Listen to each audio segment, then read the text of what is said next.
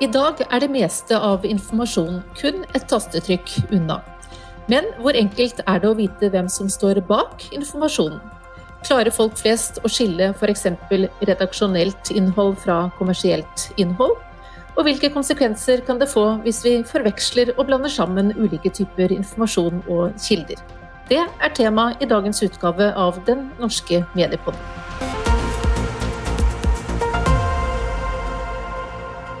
Velkommen til eh, denne utgaven av Mediepodden, Gard Steiro, som er ansvarlig redaktør i VG, og Cecilie Weiergang, som er stipendiat ved Institutt for lærerutdanning og skoleforskning ved Universitetet i Oslo. Hei på dere. Hei, hei. Hei, hei. Vi sitter jo holdt jeg på å si, som vanlig disse tider ikke på samme sted, men jeg tror det skal bli en eh, bra podkast eh, likevel. Vi skal i hvert fall eh, diskutere noe som jeg syns er et spennende tema, nemlig dette med ulike typer informasjon og kilder, og folks evne til å skille dette fra hverandre. Og I Medietilsynet har vi akkurat gjort en ny undersøkelse om ulike sider av nordmenns kritiske medieforståelse, altså den kompetansen vi som mediebrukere trenger for å kunne orientere oss og ta gode og bevisste valg i et stadig mer komplekst medielandskap. En av de tingene vi har undersøkt, er om folk klarer å skille mellom ulike former for digital informasjon, slik at de ser f.eks. hva som er offentlig informasjon, hva som er reklame og hva som er redaksjonelt innhold. Og fire av ti i undersøkelsen sier at de har opplevd å trykke på det de trodde var en nyhetssak, men som viste seg å være reklame. Og Gard Steiro, dette var jo et generelt spørsmål og ikke spesifikt knyttet til VG, men likevel som redaktør, hva tenker du om dette tallet? Jeg var egentlig ikke så, overrasket over tallet da jeg så det. fordi at Jeg tror spørsmålet var man hadde, um, om man hadde gjort dette, opplevd dette på internett de siste tolv eh, månedene. Uh, og det, det, Da overraska det meg egentlig ikke så mye, fordi at det fins veldig mye innhold som ser ut som enten det er ut som nyhetsartikler eller det ser ut som andre typer innhold på internett. Så det Eh, det overrasker meg egentlig ikke så mye, men det sier litt om utfordringen vi står overfor, vi som driver i mediebransjen. At det er veldig mye innhold ute. Man har kanskje vært litt for lite flinke til, i mediebransjen til å bli enige om noen kategorier og noen standarder for merking som kunne vært riktig. Men jeg tror at eh, det som er fordelen når du kan si på spørsmålet, er at man har klikket på noe, og så har man iallfall oppdaget at det har vært reklame seinere.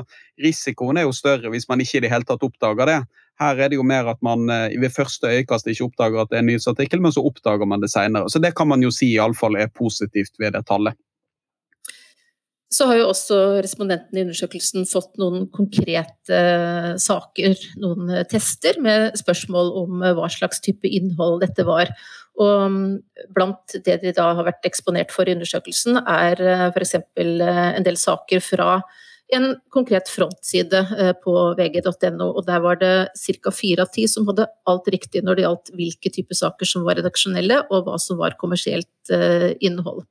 Og hva er din reaksjon Gard, på at uh, såpass mange da har noe feil når det gjelder hvilke typer saker som er redaksjonelle eller kommersielle, ut fra den informasjonen de da får på fronten? Nei, det, det, som overrasket meg med å se disse resultatene, var jo at det folk tok feil av, var jo det, altså det rent redaksjonelle innholdet. Det var et par innganger til redaksjonelt innhold som folk lurte på om var reklame. Når det gjaldt det som faktisk var reklame, det som var innholdsmarkedsføring, så var jo resultatene langt mer positive. Der var det jo ganske få som forvekslet det, altså trodde at det var redaksjonelt innhold. Så problemstillingen var jo nesten litt snudd på hodet. At man, man oppfattet redaksjonelt innhold som Eh, reklame. Jeg syns dette var interessant, uh, fordi at det ligger litt læring i oss hver. Vi er jo en del symboler vi bruker på ulike kategorier av innhold. Som, som, kanskje ikke folk forstår helt. Det var jo et symbol her som var, skulle vise at dette var et videoklipp, og noe annet som skulle vise at dette var et eh, innhold forbeholdt abonnenter. Så det syns jeg ligger interessant for oss å dykke videre ned i dataen og se om vi må tydeliggjøre de symbolene. Det positive var jo her at som jeg sier, at merkingen av innholdsmarkedsføring ser ut til å liksom fungere ganske godt. Det var ikke der folk ble forvirret, det var i den andre enden. Og når du sier fire av ti, så var jo det, det var jo en komplisert test. Jeg tror det står i undersøkelsen òg at med, man har gjort en lignende test for noen år siden. og så har man økt vanskelighetsgraden litt. Så her var det jo, man skulle jo ha rett på seks av seks for å bli godkjent her. Så jeg tar med meg noe positivt fra dette tallet, og så ser jeg, syns jeg det uansett er er interessante funn, og viser jo, understreker jo betydningen vi, eh, av å gjøre det klart for brukerne eh, hvilken type innhold det er. Og jeg tenker jo to ting. Det er jo viktig å vise her folk hva, brukerne hva som, selvfølgelig, hva som er redaksjonelt innhold og hva som er kommersielt innhold. Men det har òg litt for oss som skal prøve å lage en avis som folk liker å forholde seg til òg. At man skal forstå om man går inn i et videoklipp og skal bruke tid på det, eller man ønsker å bli eksponert for en salgsplakat og kanskje skal kjøpe en, eh, bli invitert til å kjøpe et abonnement. Og Det er jo viktig for oss at dette er tydelig for brukerne, syns jeg. Så er det jo som du sa her, slik at de fleste svarer riktig på saker som vi vel kan si at er åpenbart redaksjonelle, som f.eks. toppsaken på nettsiden, og på kommersielle saker som da er tydelig merket med annonsørinnhold. Men f.eks. For en, en forbrukertest, en test av håndsprit, det var det da Altså det var jo da en redaksjonell eh, test som dere hadde gjort, men den var det da fire av ti som faktisk trodde var en, en kommersiell sak. Hva tror du kan være grunnen til at såpass eh, mange tok feil? For det første så ble jeg litt nedstemt av det, må jeg si. fordi at uh, akkurat når det gjelder en del testing, så bruker vi altså vi er, veldig, vi er opptatt av at disse testene våre skal være uavhengige. Vi bruker mye ressurser på det, spesielt innenfor bruk av teknologi gjennom nettstedet tech.no. Så er jo uavhengige tester det er på en måte forretningsmodellen vår, det er det vi jobber for. Så, så det, sånn sett så litt, var det litt nedslående. Og så har jeg lurt på hvorfor det, tenkt litt på hvorfor man får akkurat dette utslaget. og Det kan jo være akkurat denne fronthenvisningen som var dårlig, selvfølgelig. Dårlig, det var dårlig håndverk fra vår side. Men jeg har tenkt på at dette er det veldig mye av på nettet. Dette tror jeg vi eksponeres veldig mye for.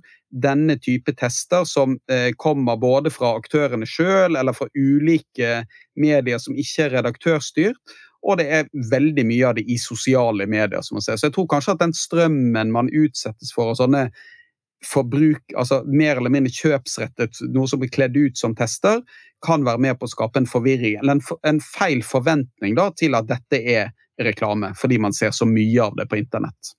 Men hva kan dere som eh, redaksjonelle medier da gjøre, tenker du, for å tydeliggjøre at eh, deres saker er noe annet? Nei, jeg tror dette handler litt det, det to, her, Undersøkelsen ser jo bare gir jo et blikk på en førsteside. Altså det Respondentene er bedt om å se en førsteside og så prøve å nærmest da, basert på sin kunnskap uh, gjette hva det er for noe. Så vi kan jo jobbe med merkingen vår på fronten, selvfølgelig, at det er tydeligere. Det som er like viktig for meg, eller si enda viktigere for meg, er at når folk kommer inn i denne uh, artikkelen og klikker på det, at man da er tydelig hva det er der. Og der der tror, jeg vi har kommet ganske langt. Der har vi, har vi, jo jobbet mye med merkingen de siste årene på å skille dette. Og det har, vi har sagt at det har vært viktig, for jeg tror det er en feil å utelukkende se på eh, hvordan dette ser ut på avisenes førstesider. For hvis man ser norske medier i dag, så, noen, så får man mye Mange av brukerne møter jo mediet gjennom førstesiden, men veldig mange, og spesielt unge brukere, kommer jo inn sideveis til journalistikken. De går ikke nødvendigvis gjennom førstesiden. De kan bli kommet inn gjennom eh, Instagram eller gjennom Facebook eller gjennom Snapchat. De har andre innganger til disse artiklene. Så jeg tror det er like viktig å tenke på merkingen i artikkelen, selve artikkelen eller selve det kommersielle liksom, enheten, som å se på eh, på, på, hvordan det ser ut på førstesiden. I alle fall når vi snakker om de yngste brukerne. Cecilie Weigang, du er eh, stipendiat ved Institutt for lærerutdanning og skoleforskning ved Universitetet i eh, Oslo. Du forsker på elevers kompetanse i kritisk lesing og kildekritikk. Og så har du også jobbet med en del eh, undersøkelser om denne type kompetanse, f.eks. denne PISA-undersøkelsen. Og når du ser på det vi har funnet i vår undersøkelse, hvordan samsvarer det med dine erfaringer på dette området? Nei, veldig mye av det deres undersøkelse viser, det ser vi også i de undersøkelsene som jeg eh, jobber med. Altså Særlig det at uh, unge mennesker har problemer med å skille uh, altså ulike typer informasjon fra hverandre. Da. Og akkurat den type oppgaver som uh, respondentene i deres undersøkelse fikk, om at de skulle identifisere om informasjon var kommersielt, redaksjonelt eller offentlig informasjon, er type oppgaver som elevene også før i noen av de undersøkelsene som vi eh, utvikler og analyserer. Og Vi ser også at elevene har store problemer med det, og kanskje særlig å skille mellom tekster som er argumenterende og tekster som er informerende. Og at de ofte tolker eh, reklame og annonser som nyhetssaker ofte. Og det har jo med å gjøre at eh, mange sjangere blandes sammen. Litt sånn som Gard var inne på her også, at de har f.eks. erfaringer med at eh, tester og forbrukerundersøkelser kan stamme fra kommersielle aktører. Så når da andre altså redaksjonelle enheter gjør mye av det samme og bruker altså mye av den samme innpakningen, så mistolker man på en måte hensikten og hvem som står bak de ulike kildene. Og Det er jo det vi kanskje ser mye av i alle disse undersøkelsene, at elevene har problemer med å identifisere hensikten med tekstene, og hvem som står bak kildene. Og også hva, hvilke strategier de kan bruke for å evaluere hvor denne informasjonen kommer fra de reflekterer lite over hvem avsenderen er. da. Når vi f.eks. gir dem informasjon, og, altså gir dem tekster og spør dem eh, hva er grunnen til at du kan stole på dette, hvis det er et leserinnlegg da, som f.eks. stammer fra en professor i medisin, så går de ikke til kilden og sier jo det er skrevet av en ekspert, men de svarer ja, det høres riktig ut, ja, det brukes gode argumenter. At det virker ikke som de er vant til å gjøre de vurderingene av hvem som er bak tekstene, da. Vi ser jo faktisk betydelige aldersforskjeller i denne undersøkelsen, der eh, de yngre og de eldste er de som er dårligst på å identifisere riktig avsender på ulike typer tekster. Mens eh, voksengruppen, for å kalle det det, eh, altså de i alderen 35 til 44 år, jevnt over har flere riktige svar. Og Cecilie, hva tror du er årsaken til at det er de yngste og de eldste som kommer dårligst ut her? Nei, jeg syns det er interessant særlig å se på de yngre aldersgruppene. Og det er jo kanskje noen som vil bli litt overrasket, for man tenker at unge mennesker har vokst opp i denne medievirkeligheten da, og burde være kjent på en måte med dette. Men det viser jo at de strategiene som kreves for å navigere i dette tekstmangfoldet, eh, de er vanskelige. Og de må læres. Det er ikke bare noe man kan fordi man er ung og fordi man har vokst opp i den virkeligheten. Så det tenker jeg er noe som kanskje noen vil synes er overraskende, men som kanskje ikke er like overraskende likevel. Og jeg tror jo også det er interessant å tenke på hva slags lesing man gjør her, og hva slags lesing mange unge mennesker gjør nå om dagen. Man leser mye på nett. Mange av de tekstene man leser på sosiale medier er veldig flyktige, det går fort, man klikker seg mellom ulike kilder, og man stopper kanskje ikke opp og gjør de refleksjonene som kreves da, for å kunne avsløre hensikt og avsender i ulike tekster. Gard, eh, dette med at de yngre eh, sliter mer enn eh, de eldre med å skille ulike typer tekster, er det noe dere i VG har et bevisst forhold til?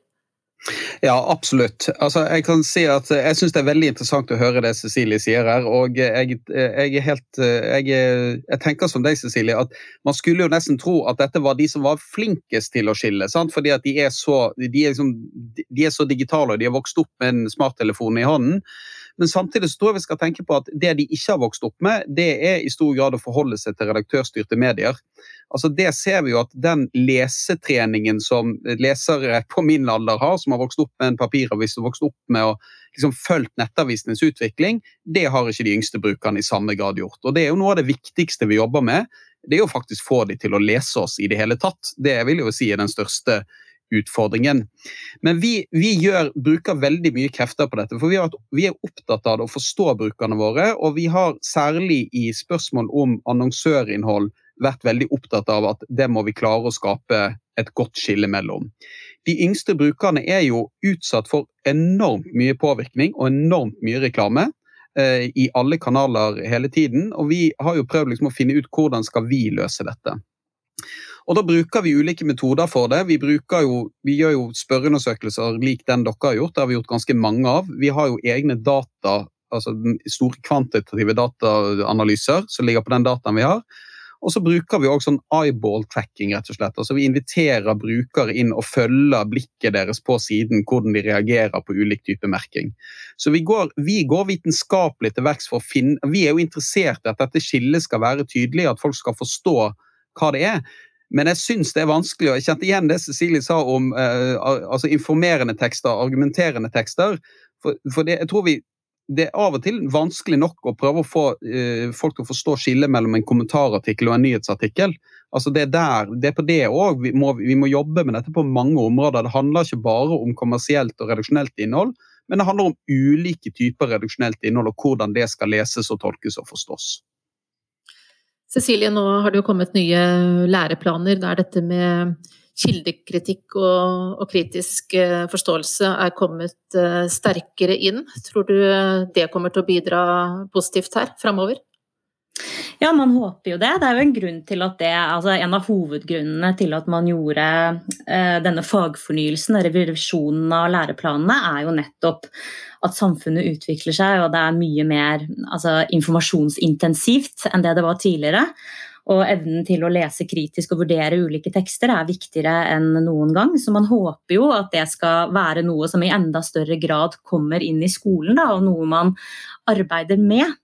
Men jeg syns det er interessant det Gard sier, som vi også var litt eh, inne på i sted også, at eh, det er noe med å bevare noe av den gamle lesingen også. At unge mennesker ikke er vant til på en måte papiravisene og egentlig redaksjonelt innhold som på en måte stammer altså fra ting, du, altså ting som skal informere deg. da og ting du burde kunne stole på. og Det også syns jeg er interessant her, når vi på en måte hører at eh, eh, respondentene har problemer.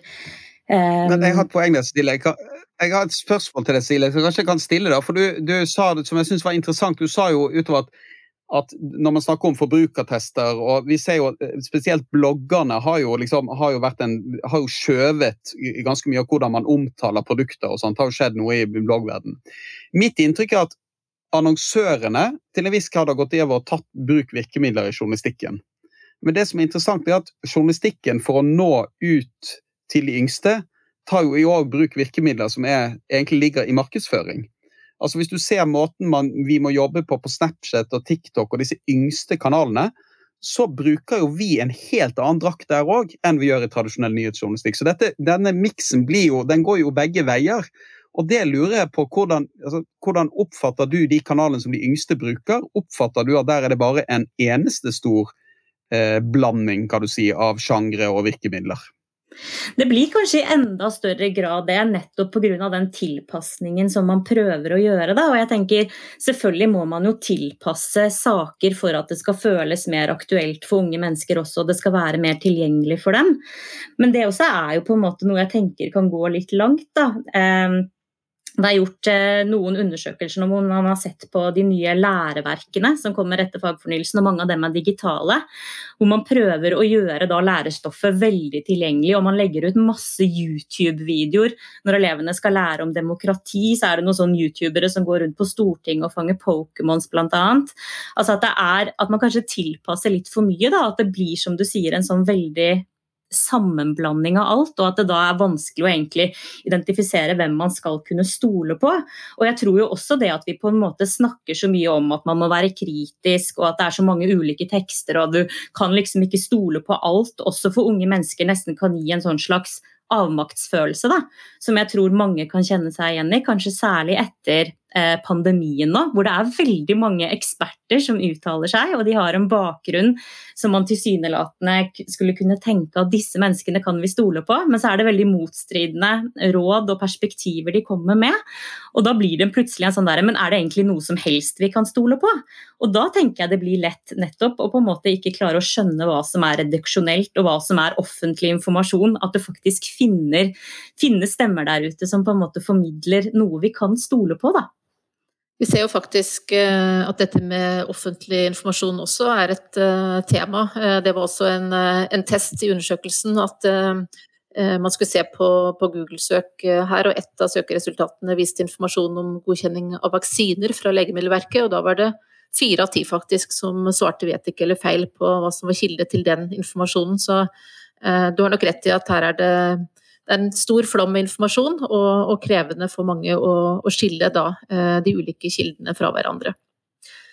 Jeg tenkte vi skulle snakke litt mer om eh, dette med innholdsmarkedsføring, for um, det har jo absolutt vært et omdiskutert konsept, det er også innad i, i, mediene. Nå viser undersøkelsen at tre av ti sier at de forstår hva innholdsmarkedsføring er. Eh, mens nesten halvparten ikke har hørt om eh, begrepet. Men samtidig så ser vi i testen at de fleste klarte å skille ut de typiske innholdsmarkedsføringssakene da, som kommersielle. Rundt åtte av ti svarte riktig da de ble bedt om å identifisere de tre sakene som var merket med annonsørinnhold eller kommersielt samarbeid. Og Gard Steiro, tror du at eh, innholdsmarkedsføring nå er blitt et så innarbeidet og tydelig konsept at det er liten fare for at dette er med på å svekke medienes troverdighet, eller kan det fortsatt være utfordringer her?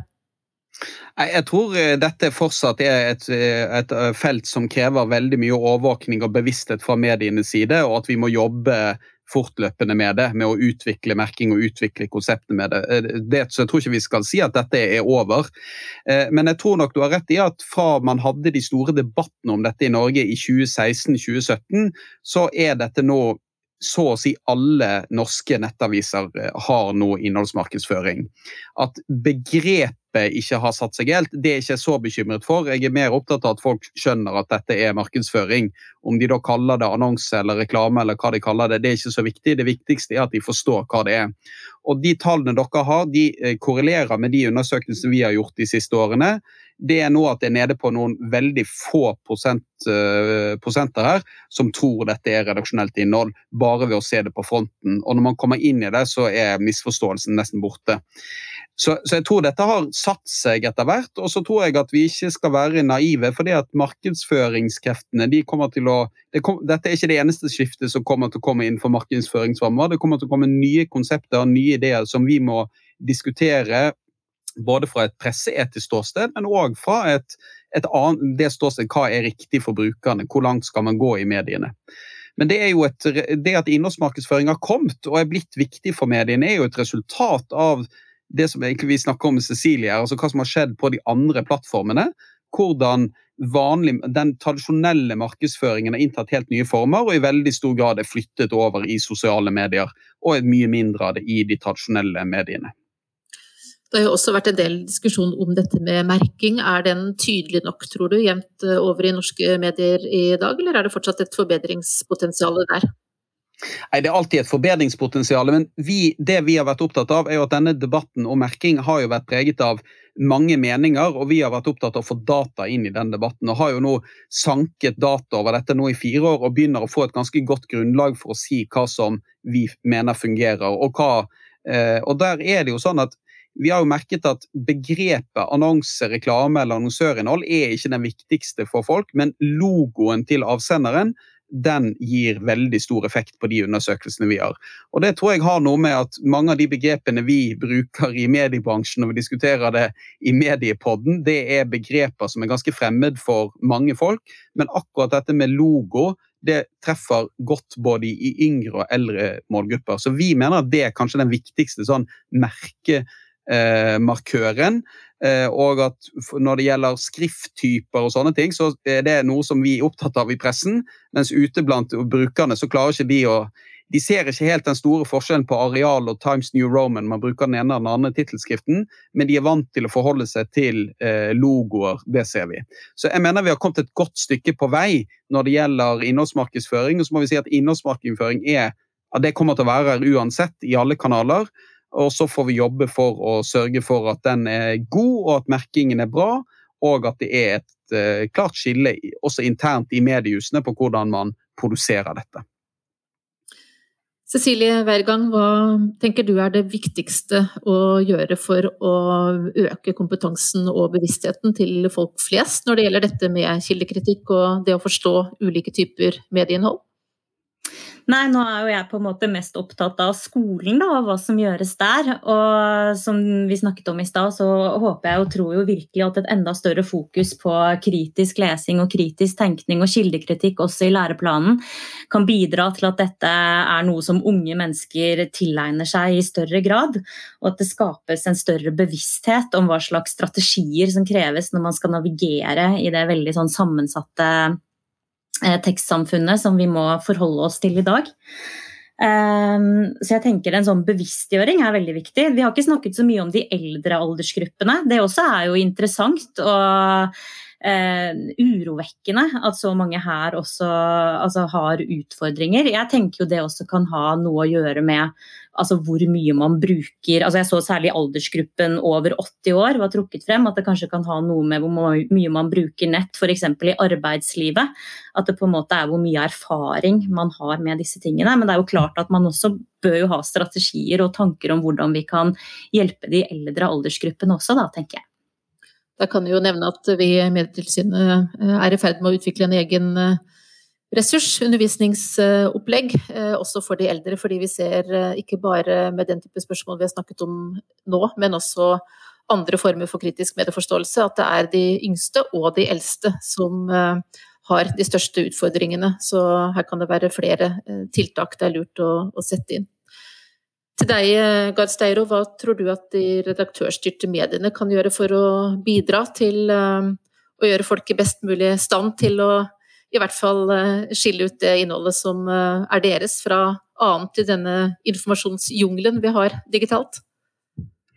Jeg tror vi skal gjøre mye, og jeg tror det er en debatt som jeg kan forsikre om at dette er en debatt som går i alle redaksjoner. Vi er opptatt av det, vi syns, men vi syns jo òg det er komplisert, vi. For det at den den liksom fragmenterte medievirkeligheten som brukerne opplever, den opplever jo vi òg. Vi opererer på ulike kanaler med ulike målgrupper med ulike innhold. Så det er, jo, det er jo blitt mye vanskeligere enn det var tidligere. Men jeg tror at uh, jeg tror det er én ting vi skal være, og som vi bør bli flinkere til.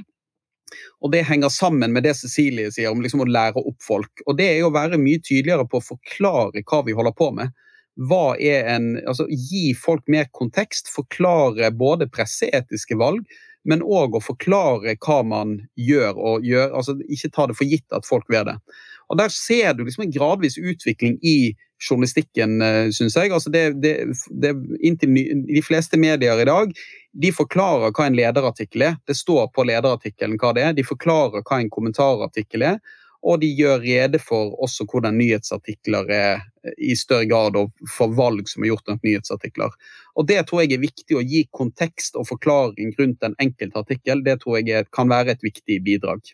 Men ellers så tror jeg nok at eh, vi i mediene kan gjøre en hel del, men jeg tror nok det er Cecilie og de som jobber i skolen som har den aller viktigste jobben fordi at dette handler om så mye mer enn de redaktørstyrte mediene. Altså Det man utsettes for i dag av informasjon, det er så vanskelig å navigere i det at man må rett og slett lære seg teknikker. Det, det er en kompetanse som er, som er, jo snart Jeg skal ikke si den er like viktig som å kunne lese, men den er iallfall helt avgjørende, tror jeg, for eh, mennesker i et eh, moderne mediesamfunn.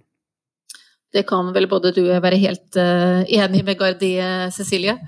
Det er jeg absolutt enig i, og da vil jeg gjerne gå tilbake til det jeg sa litt innledningsvis, med at man kanskje har en forventning om at unge mennesker skal ha denne kompetansen fordi de er så mye på smarttelefonen sin og fordi de leser så mye tekster på nett, men det er en kompetanse som må læres, og det er en egen form for lesing, egentlig, som krever helt spesifikke strategier. Som man ikke bare har, men som man må lære seg. Tusen takk til Cecilie Weiergang, som er stipendiat ved Institutt for lærerutdanning og skoleforskning ved Universitetet i Oslo, og til Gard Steiro, ansvarlig redaktør i VG. Du finner mer informasjon om denne undersøkelsen som vi har snakket om på Medietilsynets nettsider. Og til dere som er lærere, der finner dere også diverse undervisningsopplegg om kildekritikk. Takk for at du hørte på Mediepodden. Jeg heter Mari Welsand og er direktør i Medietilsynet.